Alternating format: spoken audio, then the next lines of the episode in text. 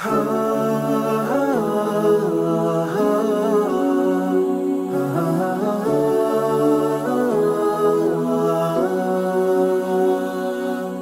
alaikum och hjärtligt välkommen till Koranpodden. Detta är podcasten som hjälper dig förstå Allahs ord och där vi träffar spännande personer och samtalar med dem om Koranen över en kopp kaffe. Du lyssnar på poddavsnitt 130 och idag ska du få lyssna på säsongens sista avsnitt tillsammans med Martin Ibrahim Shidletski. Innan vi tar en längre semester här på Koranpodden. Martin är en fantastisk trevlig broder som jag lärde känna för många år sedan. Vi inleder därför samtalet med att kort prata om hur vi lärde känna varandra första gången. Martin berättar om sina polska rötter och hur starkt katolicismen påverkade hans uppväxt på Koppargården i Landskrona. Martin kom senare att upptäcka och anamma islam som sin tro. Vi pratar också om hur hiphopen har varit en inspirationskälla i Martins liv, men även i mina unga dagar på den ljuva 80 och 90-talet. Hiphopband och artister såsom Public Enemy, Ice Cube, Ice-T, A Tribe Called Quest, Wu-Tang Clan och så vidare. Vi diskuterar hiphopen, dess budskap och hur den bland annat har influerats av islam. Men innan du ska få lyssna på samtalet så vill jag säga några avslutande ord för denna säsong. Det har varit en absolut lysande tredje säsong med Koranpodden. Jag har träffat och lärt känna fantastiska människor i mina samtal som jag aldrig hade gjort om det inte hade varit för Koranpodden. För detta är jag otroligt tacksam till Allah. Alhamdulillah. Jag har lärt mig oerhört mycket och det hoppas jag också att du känner att du har gjort. Feedbacken från er lyssnare där ute, var ni än befinner er i landet eller i världen, har varit helt fenomenal. Ni har hört av er på olika sätt och uppmuntrat med era fina ord och stöttat på olika sätt. Utan ert stöd hade jag inte haft orken att släppa nya poddavsnitt varje vecka. Så ett stort tack till er alla. Alldeles nyligen skrev faktiskt en syster till mig följande meddelande.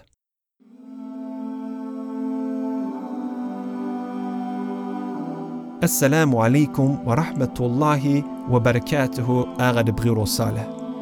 Jag vill bara säga dig att du gör ett otroligt stort arbete med Koranpodden och du vet inte hur många du når ut till och hur mycket Koranpodden får en att komma in i en annan värld och andra tankar, speciellt när man lider av psykisk ohälsa och depression.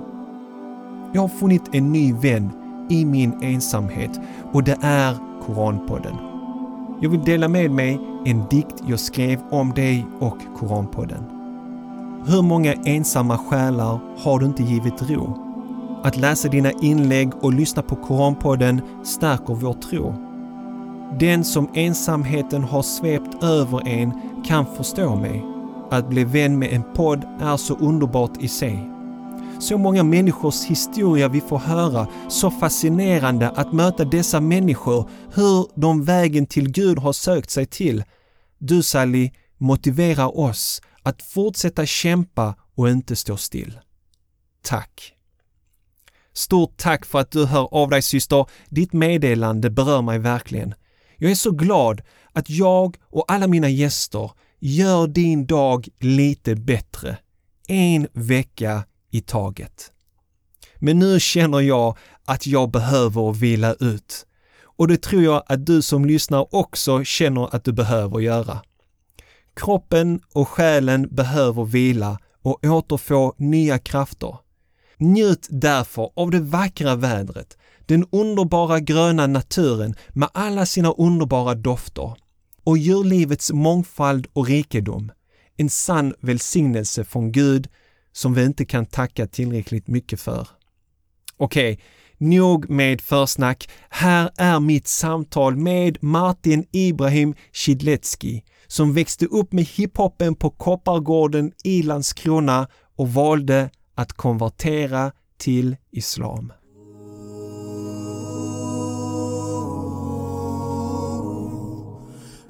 Det är en stor ära för mig att ha dig här Martin Ibrahim. Tack för att du kom. Tack själv. Eh, jag försöker minnas när jag träffade dig första gången. Nu får du hjälpa mig att komma ihåg. Jag tror min, mitt tidigaste minne av att ha träffat dig, det var inne på garaget. Inte ett vanligt fysiskt garage, alltså som man tänker där man har bilar och sånt, utan Mhm. garaget, den här kulturplatsen, eller vad ska man säga, det är som ett bibliotek, mötesplats. Det, var ett, det var ett event där, som jag minns. Och du satt vid ett bord och så, sålde böcker. Bland annat en bok om Malcolm X, tror jag, va? Och jag köpte den boken om Malcolm X av dig. Jag tror vi har träffats tidigare än det. Mhm. För vi hade en annan eh, välgörenhetsgala också för eh, Gaza. Mhm. Och det var början av 2012. Ja, det är mycket möjligt. Och du var engagerad i SSU då, om inte jag har fel, eller? Eh, 2012, eh, ja, jag kan ha blivit, eller när jag var på väg att gå med Socialdemokraterna. Det var inte än, Nej, okej. så det var Vänsterpartiet i början. Okej, så du kom från Vänsterpartiet och sen tänkte du gå över till sossarna. Ja. Vad var, det som, vad var det som gjorde att du ville göra den svängen? Eh, det fanns en förening inom Socialdemokraterna som hette eh, Socialdemokrater för tro och solidar- solidaritet. Mm. Ehm, och ehm, ja, de försökte kombinera lite det här med eh, de abrahamitiska religionerna och det budskapet som finns där med eh, traditionell socialdemokrati. Mm. Var det i samband med, med, med din muslimska identitet, att den blev kanske starkare eller tydlig, att du kände att Vänsterpartiet kanske är lite förlegat och det är dags att gå över till något där man blandar lite socialism och religiositet? Ja, alltså, jag hade nu väl sagt att jag trodde att, eh, eller jag tyckte att Vänsterpartiet var det bästa alternativet i början. Mm. I och med att jag ansåg att de representerade alltså gammaldags socialdemokrati, i alla fall på riksdagsnivå. Mm. Men eh, på lokal nivå tycker jag det var för mycket gammal kommunism och Mm. då var det kul att gå över till Socialdemokraterna istället. Mm. Vi, vi pratar lite grann om, vi går lite längre tillbaka när inte jag kände dig. Eh, lite grann om Martin. Mm. Ja, vad ska man säga? Jag växte upp i, i Koppargården i, i Landskrona. Eh, med, med familjen, mamma, pappa och syster. Eh, och vi är från eh, Polen ursprungligen. Är du född i Polen eller? Jag är född i Helsingborg. Okej, Så i och med att man inte kunde födas i Landskrona fanns ingen möjlighet. okej. Mm, Och fick de köra din mamma till Helsingborg och där, mm, precis. wow, wow, coolt. Och där började Mm. livet. Intressant. Koppargården, vad är Mm. det för kvarter eller område? Det är ett jättefint kvarter. Ehm, Det tillhör eh, den här idén med miljonprogrammet. Mm. Typ motsvarigheten till Rosengård Bland annat ja. eh, och de här områdena. Lindängen och Mm. ja. Och hur var det att växa upp där då, som ung? Det var jättekul. Mm. Vad gjorde man då? Man spelade fotboll. Mm. Spelade fotboll och sen lite, lite Fifa. Med vännerna. Playstation? Playstation 1. Okej. Ja. Och ja, så man sprang runt och man skojade och hade kul. Och, alltså idag ser området ju sämre ut än vad det var på 90-talet. Mm. Men det var jättelugnt, jättefint område. Och barnvänligt område också, alltså ingen trafik och eh, fint, mycket, mycket grönska. Mm.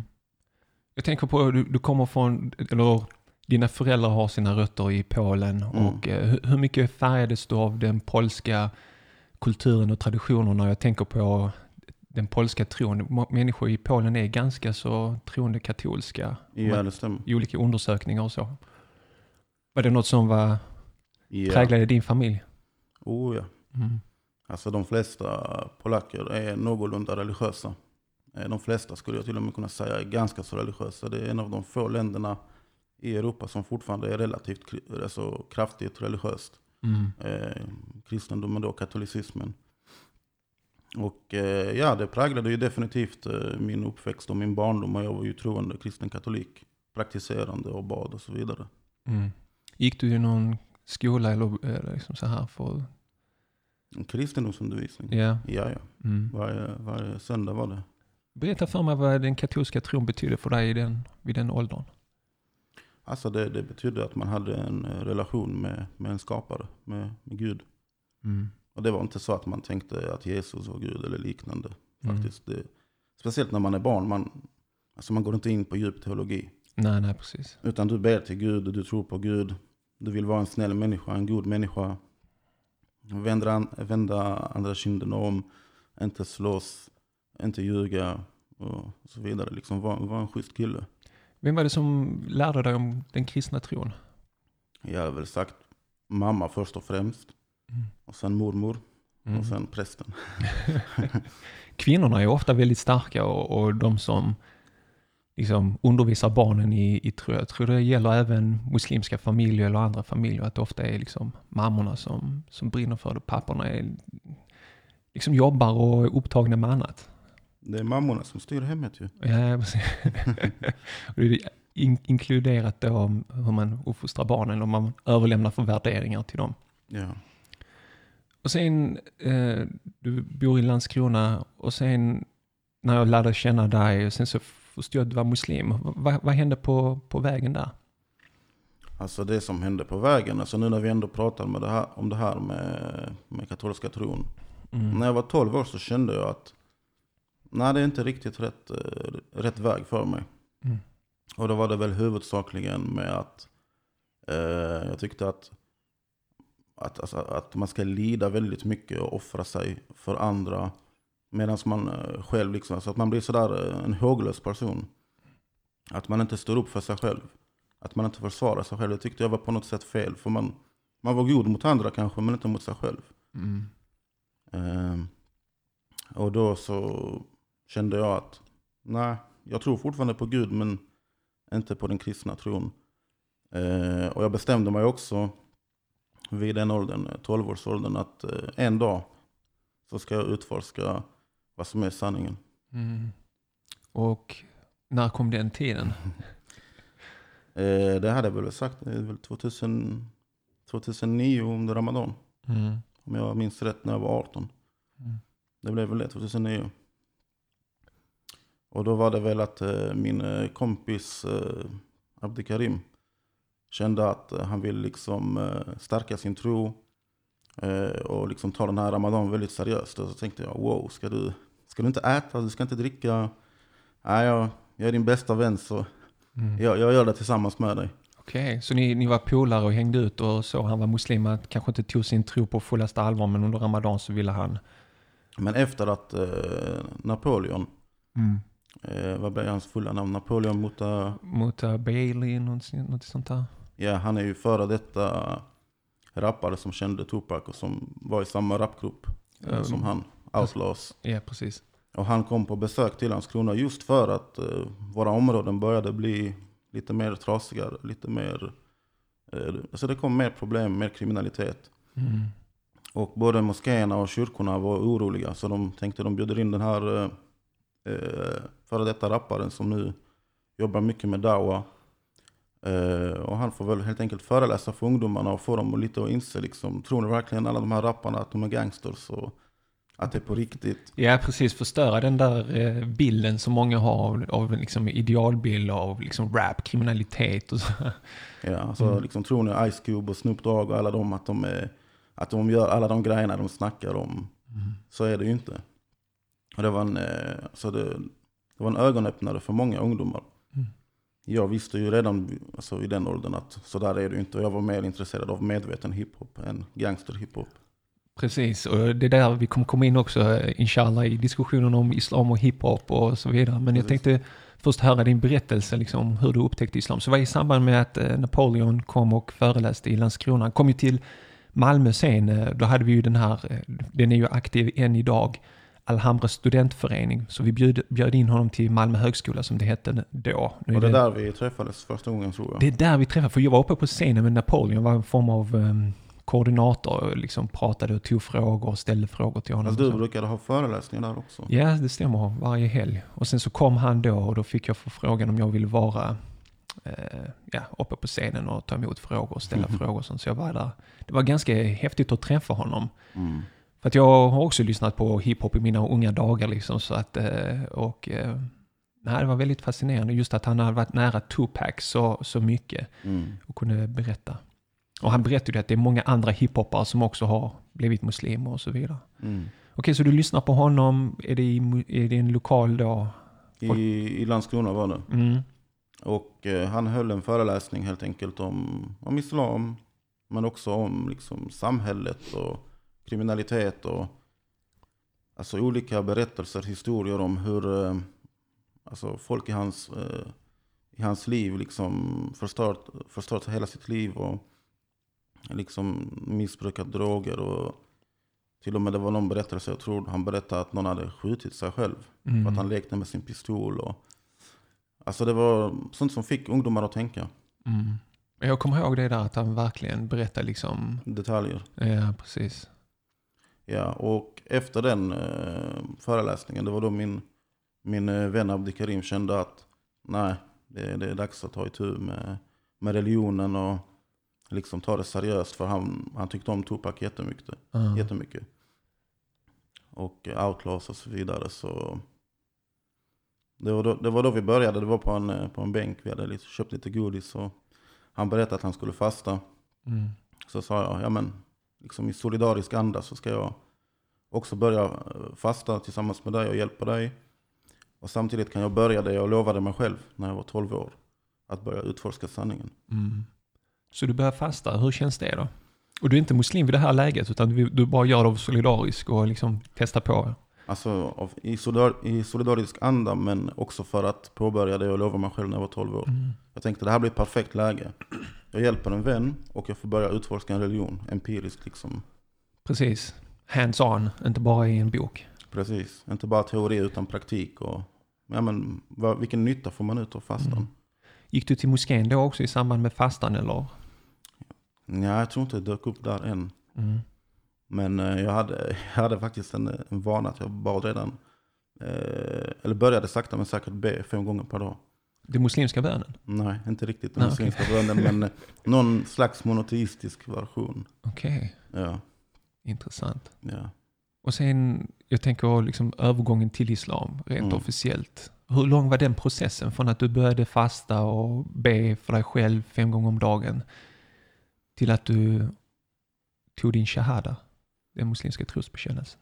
Alltså, jag började utforska vad som är sanningen. Jag utforskade alla möjliga religioner, eh, filosofier, ideologier, allting. Alltså, allting som, hade, som hävdade att det hade svar på livets frågor. Mm. Och då, var det ju, då fick man ju vara väldigt ärlig och verkligen alltså, ge alla en chans. På något sätt liksom att man läser, ställer frågor, analyserar, utforskar och sen tar reda på var sanningen ligger ungefär. Och det tog väl eh, två och ett halvt år kanske. Wow. Så när jag var 18 började jag med, med fastan och med det här. Mm. Med att utforska och kanske när jag var 20, 20, 20 och en halv. Mm. Något sånt. Så, så tog jag min, eh, min shahada. Vill du berätta lite grann om när du tog din shahada? Var var det någonstans och vem var där? Eh, Jag tog min shahada i Landskrona. Mm. I Silvergårdens moské. Hur kändes det? Det var, det var stort. Mm. Jag var så ivrig att jag gjorde en egen shahada innan, dagen innan hemma. Men jag tänkte för att det ska vara officiellt så måste det vara ju med, med två vittnen. Ja, precis. Ja. Alhamdulillah. Jag tänkte på det här med, eh, för när jag träffade dig, det var en kväll, ganska, eller var det kväll, jag vet inte, men vi gick och vi började prata om hiphop. Jag vet inte hur vi kom in på den banan. Men jag sa till dig, Jag tror en bror som heter Ansari introducerade oss. ja, ja, ja, precis. Hade Ansari. du budskapet tv eller? Ja, det Mm. kanske, ja, ja, vi hade budskapet.tv då, Mm. på YouTube. Eh, men vi pratade, jag vet inte hur vi kom in på hiphopen och då kände jag liksom, wow, vi måste träffas och diskutera det här för det är så spännande. Ja. Um, jag menar, jag, jag lyssnade på hiphop i mina ungdomstid, grundskolan, senare år. uh, en bit in på gymnasiet också, innan jag, liksom, islam tog mer och mer större del av mitt liv. Men jag lyssnade ganska mycket på Public Enemy. Och, och det var liksom politisk hiphop och i de låtarna så fanns det liksom inslag av islam. Antingen att man nämnde Allahs namn eller de hade de här Nation of Islam, den här religiösa organisationen i USA som har lite annorlunda uppfattningar än ortodox islam. Mm. Men där de har till exempel, deras flagga ser ju ut som nästan den turkiska flaggan. Eh, och, de, Mhm. så, och just att de hade ibland samplade om Malcolm X. Eh, jag vet inte om de samplade Louis Farrakhan, men man hörde och det var politiskt och just det här med de svartas eh, situation i USA. Jag kunde identifiera mig som, som eh, barn till föräldrar från Turkiet, växa upp Mm. alltid bli ifrågasatt för ens religion. Var kommer du ifrån? Och alla de här bitarna liksom. eh, Och den rasism och, som man har stött på. Så jag kunde identifiera mig med det och så, så att man lyssnar på det. Eh, hur, hur var det för dig och hur kom du in i hiphop-världen? Jag kom in i hiphop-världen genom, eh, genom polsk rap. Genom att eh, eh, bevara liksom mina rötter. Mm. Att liksom connecta med mina rötter. eh, Det var ett sätt för mig att bevara språket ju. Mm. Språket och relationen till, till hemlandet. Och eh, det man pratade om i polsk rap. Det var ju mycket mer relevant för mig än till exempel amerikansk eller svensk. Mm. Vad var det för någonting man rappade på polska? Det var storebroder-budskap kan man säga. Mm. Liksom, se upp lille grabb. Gör inte det här.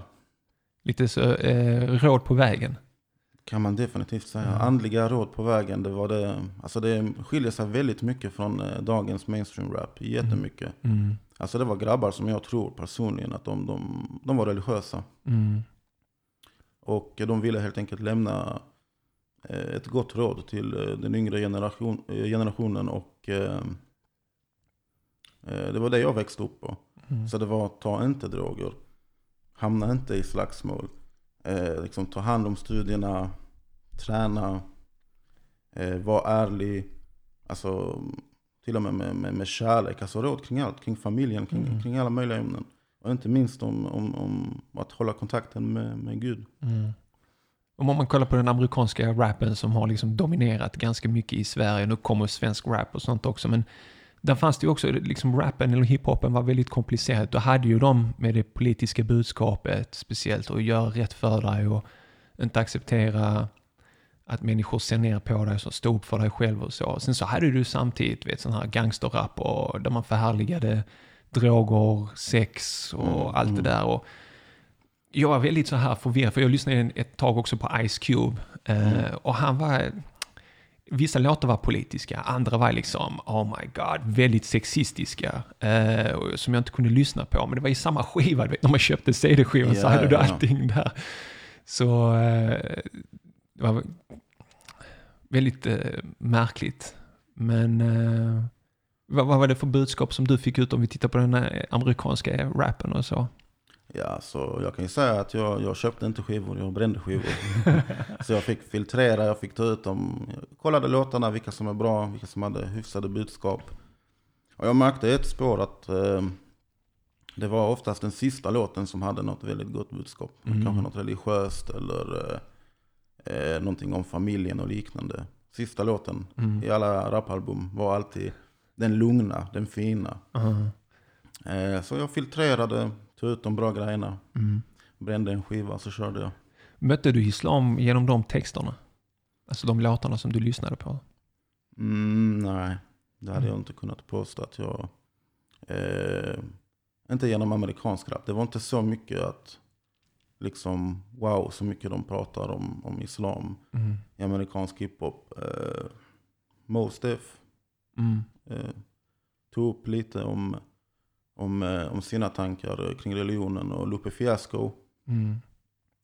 Mos Def, han ändrade sitt namn till Yasin Bey. Mm, stämmer. Och han, jag hörde någon låt för inte så länge sedan, men han börjar liksom Bismillah Rahman Rahim. Sen kör han. Vad, vad är det som är hans stil och vad är det för budskap han vill leverera? För jag har inte liksom gått in så djupt i han. Alltså Mos Def är väl huvudsakligen medveten rap. Mm. Medveten rap och väldigt kreativ rap. Alltså budskapet det kan vara. Eh, senaste, senaste albumen har ju varit eh, politik. Mm. Allting ifrån eh, liksom Irakfrågan till, eh, till eh, relation till kärlek och kvinnor. Och liksom Mm. hur man är en gentleman. Om jag har uppfattat låtarna rätt. Mm. Mm. Har du sett att han tillät sig själv att tvångsmatas? Som de gör i de här amerikanska fängelserna, så när fångar eh, ute på de här eh, fängelserna i Afghanistan och på Kuba och så. Gu- Guantanamo. Guantanamo, ja. Mm. Då, då kör de in liksom slangar genom näsan, tror jag, eller genom munnen och tvångsmatar. Och han gick, genomgick den här proceduren frivilligt, bara för att liksom uppleva och medvetandegöra det här. Och var, jag såg den videon, det var ett tag sedan, men det var fruktansvärt att se det liksom, sakerna han... Ja, jag fick stänga av halvvägs. Det blev för mycket för min del. Bara att kolla på. Han Alltså, skrek han, han, och... han led ju. Mm. Jag tror inte han fullföljde hela processen. Okej, han avbröt. Det Jag tror, möjligt. jag tror det. Mm. För alltså, alltså att, att, att uppleva något sånt. Det, man märkte ju att jag tror tårarna rann, rann på honom. Och, Mm. nej, det, var, det var jobbigt för mig bara att kolla. Det kan ju tänka mig hur det är för honom att sitta där. Så, Ja, så det, är det, det är Mos Def. Han bryr sig verkligen om folket och om Mm. samhället. Och, det är inte sån aggressiv politisk rap heller, utan den, den, den är smart. hans låtar är väldigt lugna och harmoniska. Det är inte den här bam bam. Liksom. Mm, mm. Det är inte Ice Cube. det är inte Ice Cube. Vet, Ice, Cube, Ice Cube han hade en låt som jag lyssnade på när jag var ung. Mm. Som hette Ghetto Bird. Japp. Känner du till den? Mhm. Och det är liksom att i, i gettot så är det alltid en polishelikopter som, som är ovanför liksom. Och Ja. subhanallah, idag med den situation som vi har i Malmö. Så det är på kvällarna när man ska lägga sig och sånt så hör man den helikoptern hela tiden ovanför Det hör jag också i Landskrona. ja, i Landskrona. Men det är nog inte samma, de har flera. flera fåglar ute. Precis. Ja. Men man, man, man förstår liksom var han kommer ifrån nu. Liksom att växa upp i ett område där man hela tiden hör polishelikoptern. Det, det, det, det sänder en viss signal. Och nu när poliserna här i Malmö hade den här Operation Rimfrost, eller vad den heter. ja, ja, ja. Där det kom liksom 200 poliser rätt in i Rosengård. Eh, Ra- razzia. Razzia, Mm. precis. Det kan nog kännas och upplevas som stigmatiserande liksom, när du har 200 poliser som går in i vissa områden och, och liksom gör razzia och sen så finare områden som Limhamn. Där sker inte de här razziorna i de här skalorna liksom. Ja, ja. Det, men det är samma sak. Vet du, jag har en vän som, eh, som är vet du, mörkhyad och han fick uppleva något liknande för att han liknade en annan kille som var mörkhyad. Mm. Alltså det, polisen är ju inte så duktiga heller. Nej, nej, de stoppar, de stoppar folk som ser ut, alltså rasprofilering, alltså att de tittar på det, någon. det problemet finns fortfarande. Mm, mm. Och de måste ju utgå från någonting men det känns lite... Alltså det blir inte rätt när, de- när, de, när de tänker på det sättet och Mm. agerar på det sättet. Så. Ja, och det, har, det kan man ju säga att eh, det relaterar jag till väldigt mycket. Eh, genom den amerikanska hiphopen. Eh, när man växte upp på Koppargården och sen när man eh, gick i skolan i närheten och så vidare. Och moskén ligger också där i, i närheten i Silvergården. Mm. Man får ju verkligen uppleva hur det är att bo i ett eh, stigmatiserat område, i ett lite mer utsatt område, Mm. i betongen i miljonprogrammen. Mm. Mm. Jag tänker på en annan hiphopare som, som också har betytt ganska mycket för många. Mm. Och det är Tupac. Eh, jag minns att han hade en låt där han rappade om någon vän som konverterade till islam. Känner du till den låten? I ain't mad at you. Ja, precis. Eh, väldigt fin text eh, om man, om man eh, lyssnar på texten. Mm. Mm. Eh, vad är din relation till Tupac och dina tankar kring hans texter och så? Ja, den bästa rapparen genom tiderna, Mm. utan tvekan. Mm.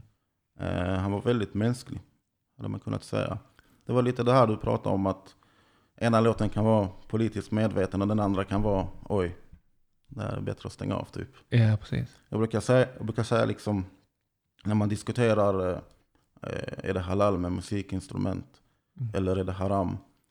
Eh, och eh, ifall det skulle vara halal, vilka låtar är halal då och vilka är haram? Så brukar jag alltid säga eh, Tupac, Dear Mama, halal. Ja. Tupac, Hit 'em Up, haram. Men det som hiphoparna ofta, alltså just den här dubbla budskapet, alltså att den ena, ena låten är väldigt upplyftande, hänger med positivt budskap och sen har du nästa låt som bara handlar om bling-bling, kriminalitet. Så tänk, men men när, när, de, när de pratar i intervjuer så säger de vi beskriver i våra låtar vår verklighet.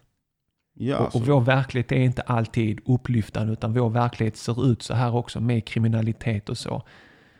Det är lite grann som den här svenska hiphopparen från förorten som blev intervjuad av Malou på TV4. Vilken av dem? Grecaso? Ja, ja eh, jag tror det han heter så. Men då, vet de frågar honom så, ja men varför rappar du om Jaha, droger ja, ja. och så? Han bara, det är så vår verklighet ser ut ute i Ja. förorten. Jag bara berättar hur det är. Och de Ja. bara, ja men du får förhärliga det. Och så här. Jag så intervjuade de någon kille som jag tror är svensk bakgrund. Ja, Så var det helt andra frågor. ja, precis. Men när Grecaso kom som faktiskt, eh, vad jag har fått höra, är från samma land som mig. Halvpolska är han Ja. och halvgrek. Ja, precis. Grek vet jag också. Så då blev han eh, ställd mot väggen liksom. Mm.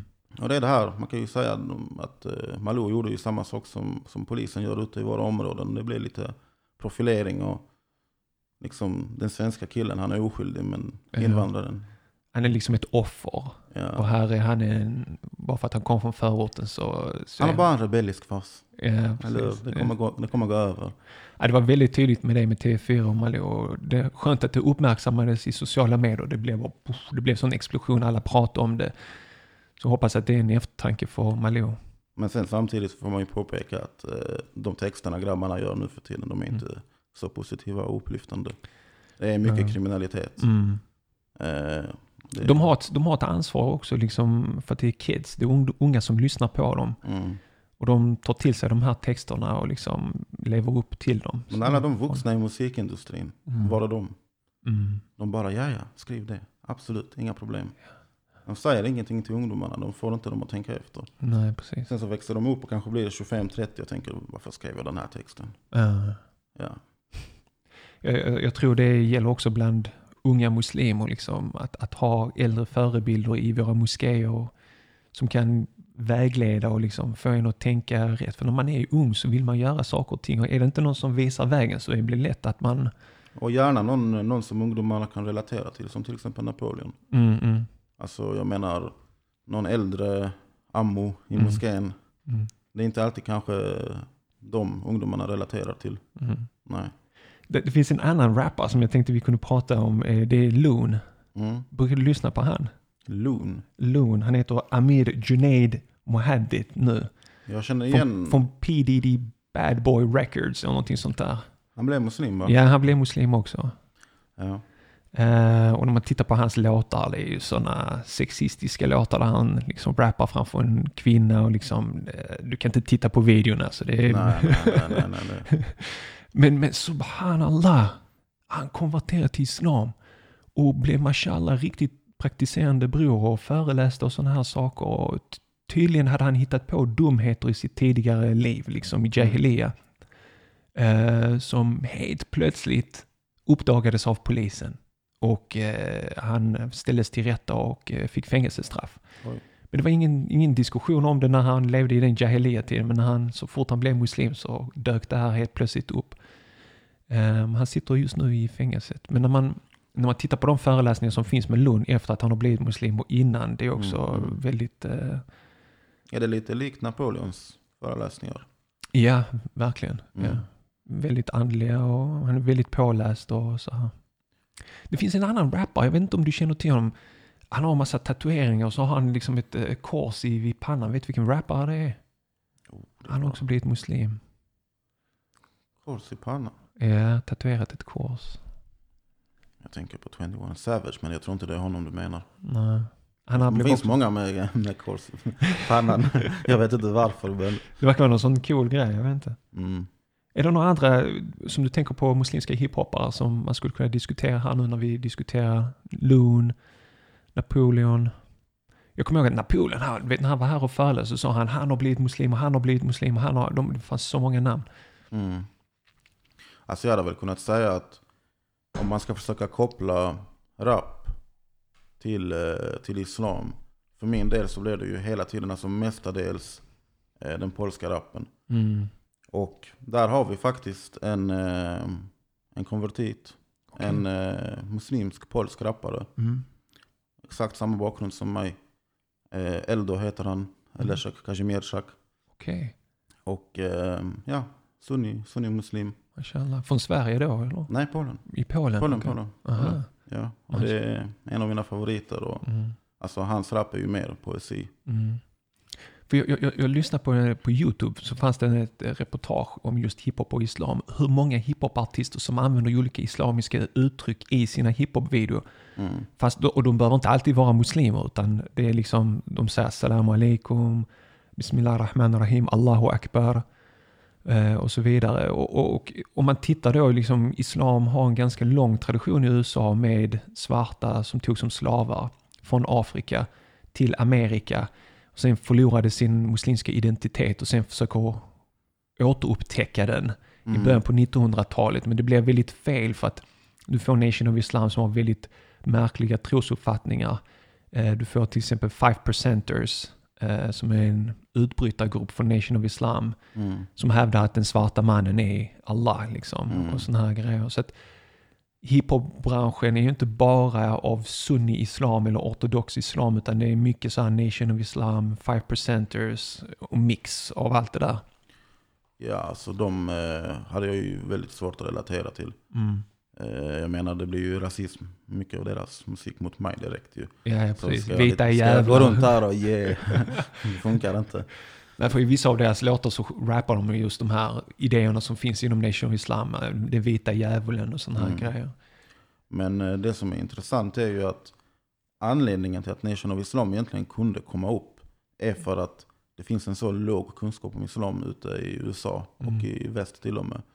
Men speciellt ute i USA, det är, det är därför de kunde komma upp för folk hade ingen aning om islam alls. Nej, men om du kollar på Malcolm X, liksom, hans Mm. liv är ju liksom hela den amerikan islams historia, eh, vad ska vi säga, islams moderna historia i Amerika finns ju liksom komprimerat i Malcolm X liv. Att han tillhörde först Nation of Islam, bröt sig ur, åkte på Hajj, började söka kunskap, förstod att islam egentligen är långt ifrån det som Nation of Islam predikade. Och jag tror Nation of Islam grundade Elijah Muhammed då i början på 1900-talet när vi inte hade internet, när vi inte hade det utbyte som vi har idag, kunde komma med olika påståenden om islam och de människorna trodde på det. Men ehm, just nu med den invandringen från muslimska länder som kommit till USA så är det svårt att liksom hålla fast vid Nation of Islam och påstå att det är någon form av islam. Alltså det, det är många från de kretsarna som har gått och blivit konverterat och blivit sunnimuslimer. Ja, precis, precis. När jag var i USA och hälsade på frugans familj där så var jag i Malcolm X moské. Eh, när han lämnade Nation of Islam så hade han en moské då som han etablerade. Så jag var där och bad och lyssnade på fredagspredikan, träffade bröder och pratade med dem. Och det finns liksom en, en delning fortfarande bland dem mellan de som är ortodoxa muslimer och de som tillhör Nation of Islam och, och tillhör då Louis Farrakhan-gruppen. Eh, Men det är många som har tagit den vägen. Jag tror Muhammad Ali, boxaren, han, Precis. han gjorde väl likadant. ja, exakt, exakt. Han gick också från Nation of Islam till vanlig sunni-islam. Mm. Eh, och sen eh, finns en rappare också som heter Brother Ali. Mhm. Eh, jag vet inte riktigt, jag tror inte att han har varit med i Nation of Islam. Men han har i alla fall haft en ganska så nära relation med en imam som hade rötter där. Mm, mm. Och även han är ju sunni. Och väldigt religiös i sina texter och låtar. Och Ja. där kan man hitta mycket faktiskt. Eh, precis. Okej, eh, jag har skrivit lite namn här. Rakim. Får man söka på internet, famous hiphoppers, så får du liksom en lista på 20-30 namn. Men då är det blandat liksom med folk som tillhör Nation of Islam, folk som är ortodoxa muslimer Mm. och five percenters och så vidare. Ja, man hittar ju allt möjligt. Liksom något YouTube-klipp med Snoop Dogg som säger salam alaikum. Så, så är Och så med. alla muslimer, han är muslim. Eller? Ja, ja, ja, precis. Ja. Så vad, har du för råd till unga ungdomar där ute som, du vet, lyssnar, har Spotify, inne och lyssnar på hiphop. Det finns hela den här diskussionen om halal och haram inom musiken. Är det halal eller är det haram?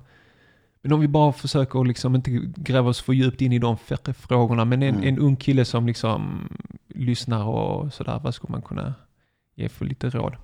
Alltså, för det första, det beror på vad, vad du lyssnar på. Mm. Är det bra budskap eller är det dåliga budskap?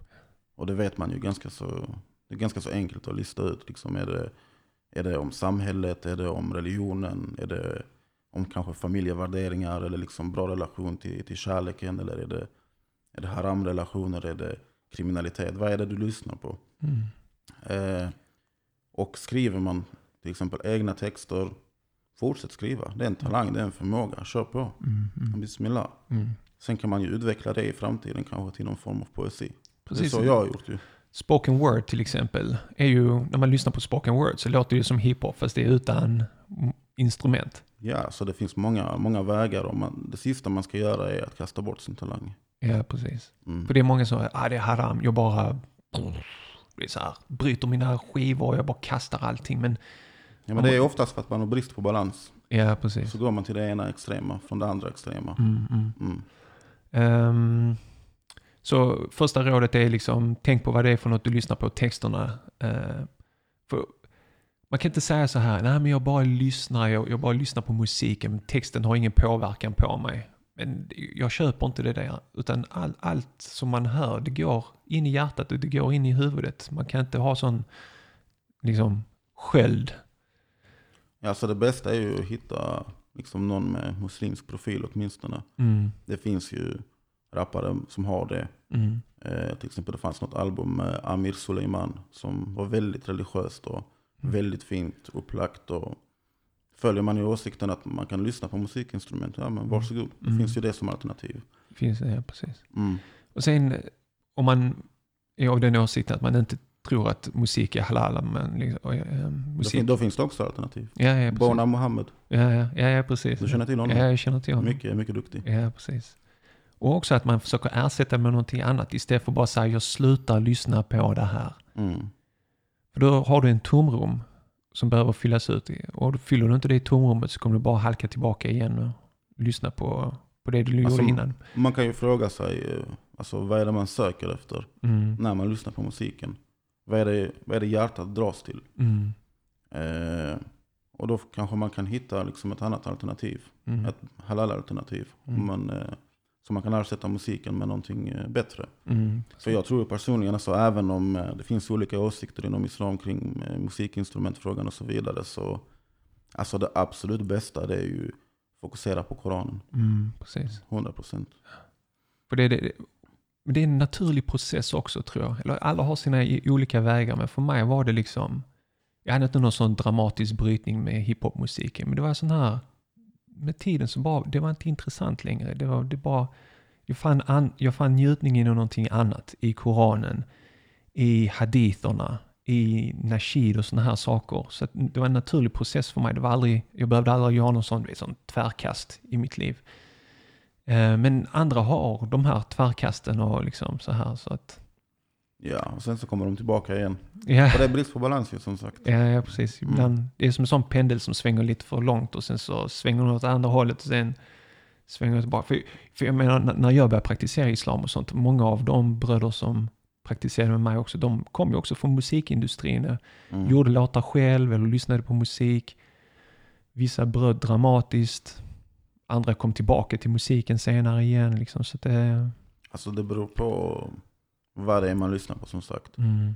För min del så har jag alltid haft en, eh, en ganska så stark relation till eh, musik och till rap och budskapen som finns där. Och, eh, jag brukar liksom säga att eh, rappen, eller hiphopen och Mm. texterna, det har, det har liksom varit min lärare i livet. Mm. Under, eh, speciellt under tonåren.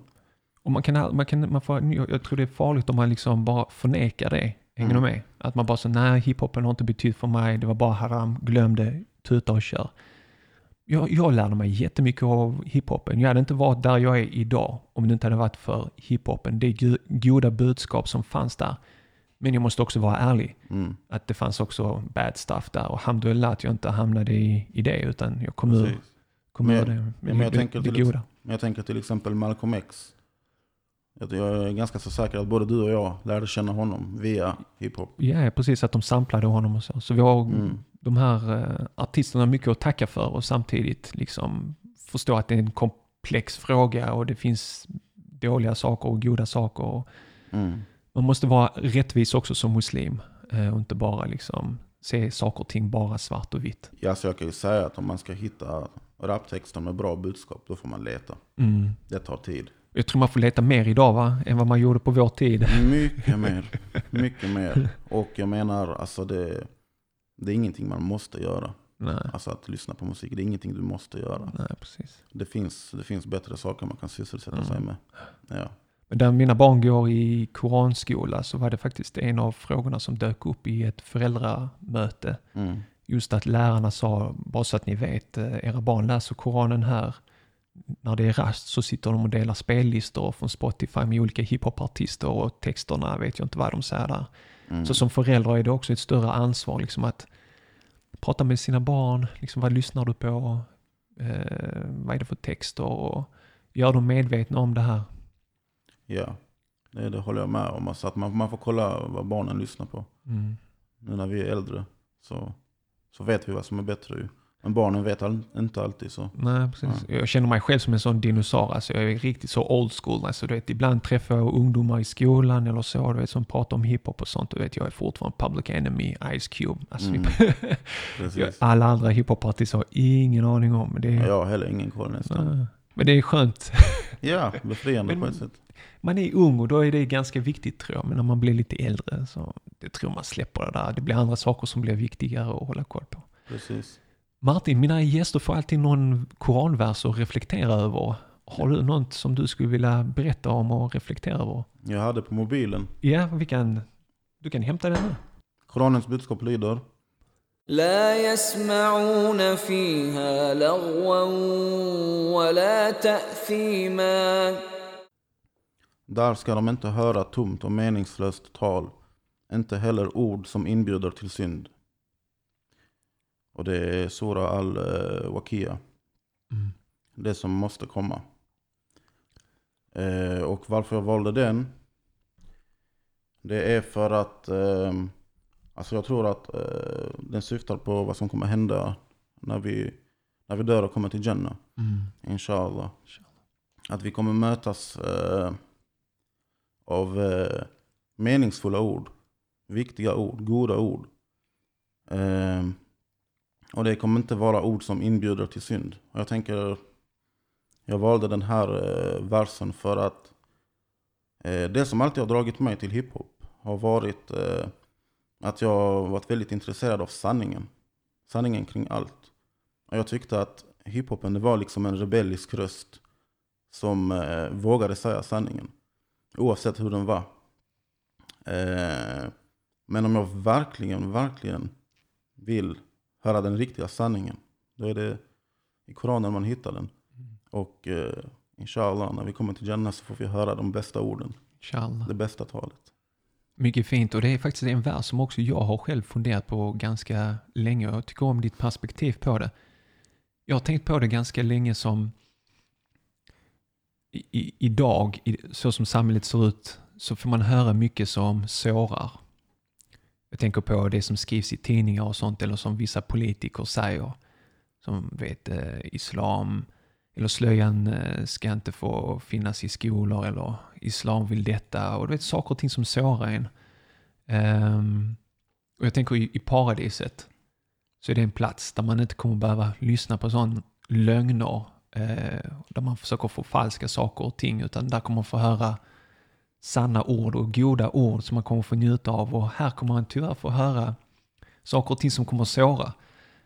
Så det är en tröst som man har att eh, inshallah i nästkommande liv så kan man få njuta.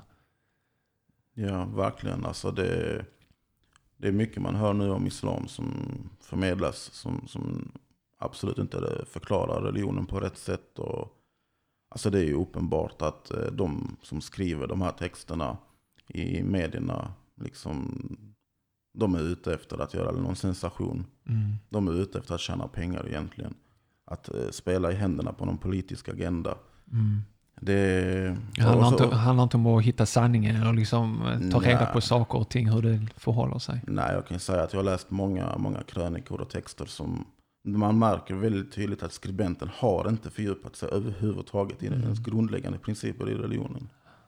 Och ändå så får de skriva liksom på Aftonbladet och andra platser. Precis, det är det som jag också förundras över. Alltså Mm. att texter av så dålig kvalitet får de här fina rummen. Ja, alltså, och, och, alltså, bröd, och bröder och systrar som har jättebra koll på, som har varit gäster på min podd, får inte komma in i de här fina rummen, utan det är de här ex-muslim eller you know whatever som får de här tv-sofforna och så här. Och det intressanta är att journalistik i grunden är egentligen sanningssökande. Precis. Man vill ta reda på vad som är sant och rätt och förmedla det. Mm. Kom igen då. Idag handlar det om att skapa en sanning eller skapa en världsbild som inte överensstämmer med verkligheten. Så man kan säga att dagens journalister det blir som eh, vad heter det, ökenaraberna under Jahiliya-tiden med sin poesi. Ja, precis. Liksom starka ord som inte är förankrade i sanning. Faktiskt nu öppnar du upp en hel ny dörr just med i alltså, eh, Koranen och poesins roll där under profet Muhammed tid. Hur man använde poesi för att battla varandra. Mm. Hur eh, förnekarna använde poesin för att sprida eh, lögner om profeten Muhammed över honom var Guds frid de tidiga muslimerna. Ja, Men det får bli en, eh, en nästa träff inshallah. inshallah. Martin, det har varit en ära att ha dig här hemma hos mig och få prata om din resa till islam och om hiphopen och vad den har betytt i, din, i ditt liv och i mitt liv. Och jag hoppas som sagt att vi kan träffas igen och kanske ha en diskussion om poesi, för det är det du har gått över till, Ja, om jag har förstått det rätt. Precis. Så det blir inshallah en fortsättning på det. Inshallah. Stort tack för att du är här. Tack så mycket. Jazakallah khair och jag önskar dig en trevlig dag. Tack så mycket. Salam alaikum. Alaikum salam. Tack för att du lyssnade på mitt samtal med Martin Ibrahim Shidletski. Något som jag tar med mig från mitt samtal med Martin är hans ödmjuka inställning till tron och till människors olika förutsättningar. Han är inte fördömande. Istället erkänner han att människor befinner sig i olika stadier i tron och kan ha kommit till olika slutsatser i livet. Jag önskar att fler kunde ha en sådan balanserad och ödmjuk inställning till viktiga livsfrågor än den kategoriska svartvita världen som vissa människor anammar. My way och the highway. Vad tar du själv med dig från detta samtal? Jag är nyfiken på att få veta. Lämna ett svar eller en kommentar direkt på Koranpoddens hemsida. Gå in på koranpodden.se snedstreck 130 och lämna din kommentar längst ner på sidan. Du kan också mejla mig dina tankar på hej koranpodden.se. Nästa vecka är vi inte tillbaks med ett nytt poddavsnitt. Vi tar istället semester och återkommer med säsong 4 måndagen den 10 augusti 2020 med Allahs vilja. Glöm inte att skriva in detta datum i din kalender eller lägga in det som en notifikation i din mobiltelefon så att det piper när det blir dags för säsong 4. Du kan vara med och stötta och ge säsong 4 en extra knuff framåt. Som du kanske redan känner till har vi medvetet valt att tacka nej till statliga och kommunala bidrag. Koranpodden drivs uteslutande av frivilliga donationer av våra lyssnare. Du kan enkelt donera en engångssumma via vårt swishnummer eller så kan du bli månadsgivare och betala så lite som endast 50 kronor i månaden. Det är mindre än vad en pizza kostar i Malmö, men det gör stor skillnad i vårt fortsatta arbete med säsong 4. Gå in på vår hemsida koranpodden.se och klicka på donera i menyn. Tack för att du investerar i Koranpodden och ger muslimer i Sverige en tydlig och självständig röst. Må Gud belöna dig. Följ oss på Facebook och Instagram för nyheter om innehållet i säsong 4 och vill du komma i kontakt med mig så gör du det lättast genom att mejla mig på hej koranpodden.se. Jag kommer inte att läsa min mail under semestern, men så fort jag är tillbaks så kommer jag göra det och svara inshallah. Då återstår det bara för mig att önska dig en härlig sommar. Glöm inte mig och Koranpodden i din dua, dina böner. Tack för att just du lyssnar på Koranpodden. Ha nu en underbar sommar med mycket glädje och extra mjukglass och massor med jordgubbar så hörs vi igen måndag den 10 augusti. Salamu alaikum wa rahmatullahi wa barakatuh.